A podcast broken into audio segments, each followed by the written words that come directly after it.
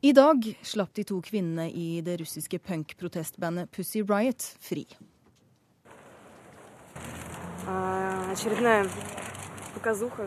Олимпиадой. Также не хочется, чтобы все европейские государства бойкотировали нашу российскую Олимпиаду. Давайте будем помнить о тех людях, о которых сейчас, может быть, многие не говорят, кто-то о них забыл, но им также нужно выходить из этих мест, и нечего здесь делать. Ja, her hørte vi Nadesja Tolokonikova, et av medlemmene i den russiske punkgruppa Pussy Riot, etter at hun ble benådet eh, i dag. Tolokonikova sier det hele kun er et spill for galleriet for å stoppe europeiske land fra å boikotte OL i Russland, og at vi må huske alle som fremdeles sitter i fengsel og som aldri skulle vært der. Og sammen med 25 000 andre fanger ble Tolokonikova og bandvenninnen Maria Aljokina sluppet fri i dag. Musikerne ble arrestert for snart to år siden etter en ulovlig opptreden i en katedral i Moskva, hvor de kritiserte Vladimir Putin, men nå er de altså frigitt. Og John Peder Egenes, generalsekretær i Amnesty International her i Norge. Hva vil Russland oppnå ved å løslate jentene og de andre fangene? Ja, jeg tolker det litt som det disse kvinnene gjør selv. At eh, det er betimelig nå for eh, Putin å løslate disse ganske høyt profilerte samvittighetsfangene, fordi det kan bidra til å ta bort noe av det presset han får fra utenverden nå rett før OL.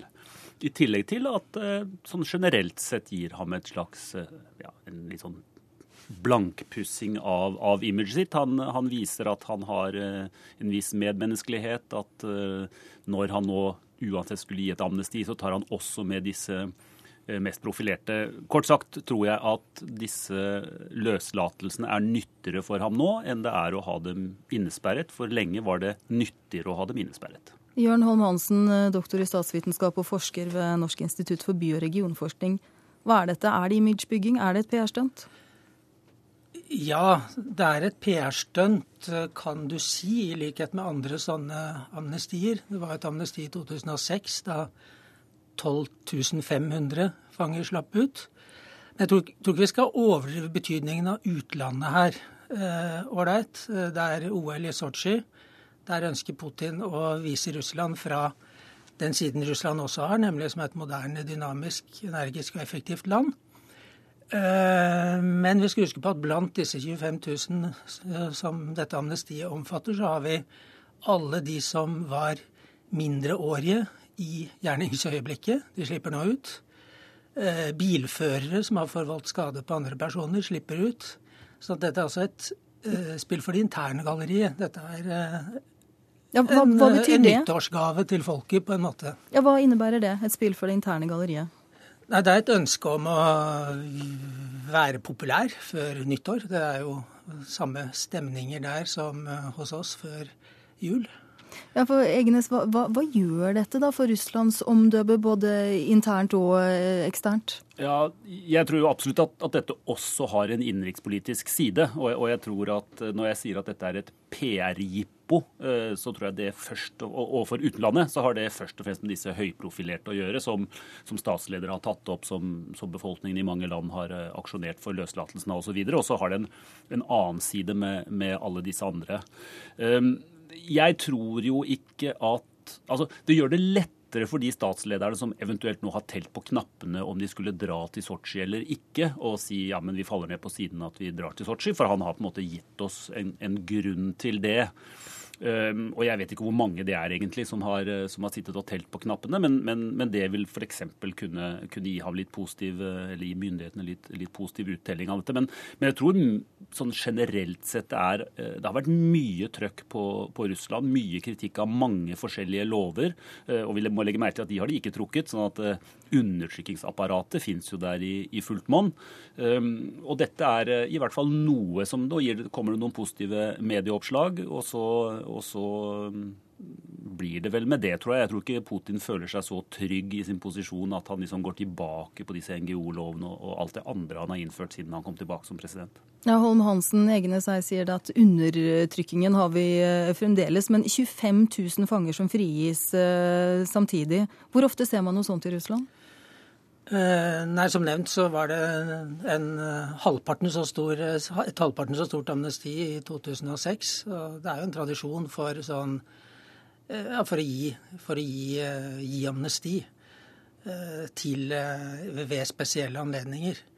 Men jeg må jo si at her kvitter Jeg er enig i det at Putin her kvitter seg med noen problemer som nok viste seg å bli større enn han hadde tenkt. Og vi må huske på at Khodorkovskij, som jo slapp ut, han ville uansett måttet løslates innen magnaten, som mm. tidligere annet seg fellesskapets eiendommer under kaoset på 90-tallet.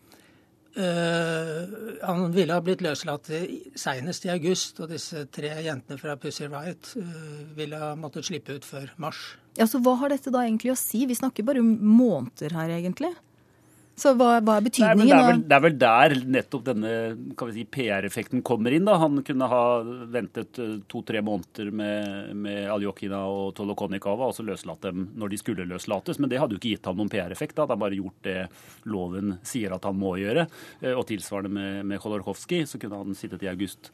Men, men nå, ved å, ved å, gi litt, så, så, eh, så, får han altså en, en, i hvert fall i noens øyne, en, en litt blankere rustning. Men, men vi skal også ta inn over oss at det har vært veldig nyttig for Putin å ha disse menneskene i fengsel. Det var en grunn til at disse tre fra Pussy Riot fikk så strenge straffer og ble dømt i henhold til en lov som de strengt tatt ikke hadde brutt, hvis du ser på, ja, for Hvorfor var det nyttig for ham å, å ha dem fengsla? Ja, nå tror jeg vi må se på innenrikspolitikken igjen. Her, her, ga han tilbake til en viss grad, både til kirken og ikke minst til en, en, en stor del av befolkningen som er eh, nasjonalistisk, som er religiøs, og som følte at disse hadde gått altfor, altfor langt. Eh, så, så, det var jo da nyttig å ha dem fengsla en stund. Nå tror jeg liksom balansen vippet, og nå er det viktigere å få dem ut. Holm Hansen. Ja, dette er et veldig viktig poeng, som jeg er helt enig i. Putin uh, markerer seg mer og mer som en uh, kulturkonservativ eller livsstilskonservativ politiker. Uh, han utfordrer store deler av befolkningen gjennom reformer av skolevesen, pensjonsvesen, kommunal infrastruktur, bolig, boligbygging osv., eller boligsystemet. Eh, gjennom eh, det vi litt grovt kan kalle markedsorienterte eh, løsninger. Her kan han gi noe tilbake på det følelsesmessige planet til de mer konservative segmentene av befolkningen som, som rett og slett synes det har blitt for mye utglidning med punkeopptredener i katedraler osv. Egnes, hva, ytringsfriheten da, hvor er den hen i, i denne prosessen her? Nei, ytringsfriheten er altså Rommet for ytringsfrihet skrumper mer og mer i Russland. Disse løslatelsene tror jeg ikke betyr noen ting for det. Putin kommer fortsatt til å følge nøye med på de som kritiserer ham, og hvis han finner det nødvendig, så vil han arrestere folk igjen.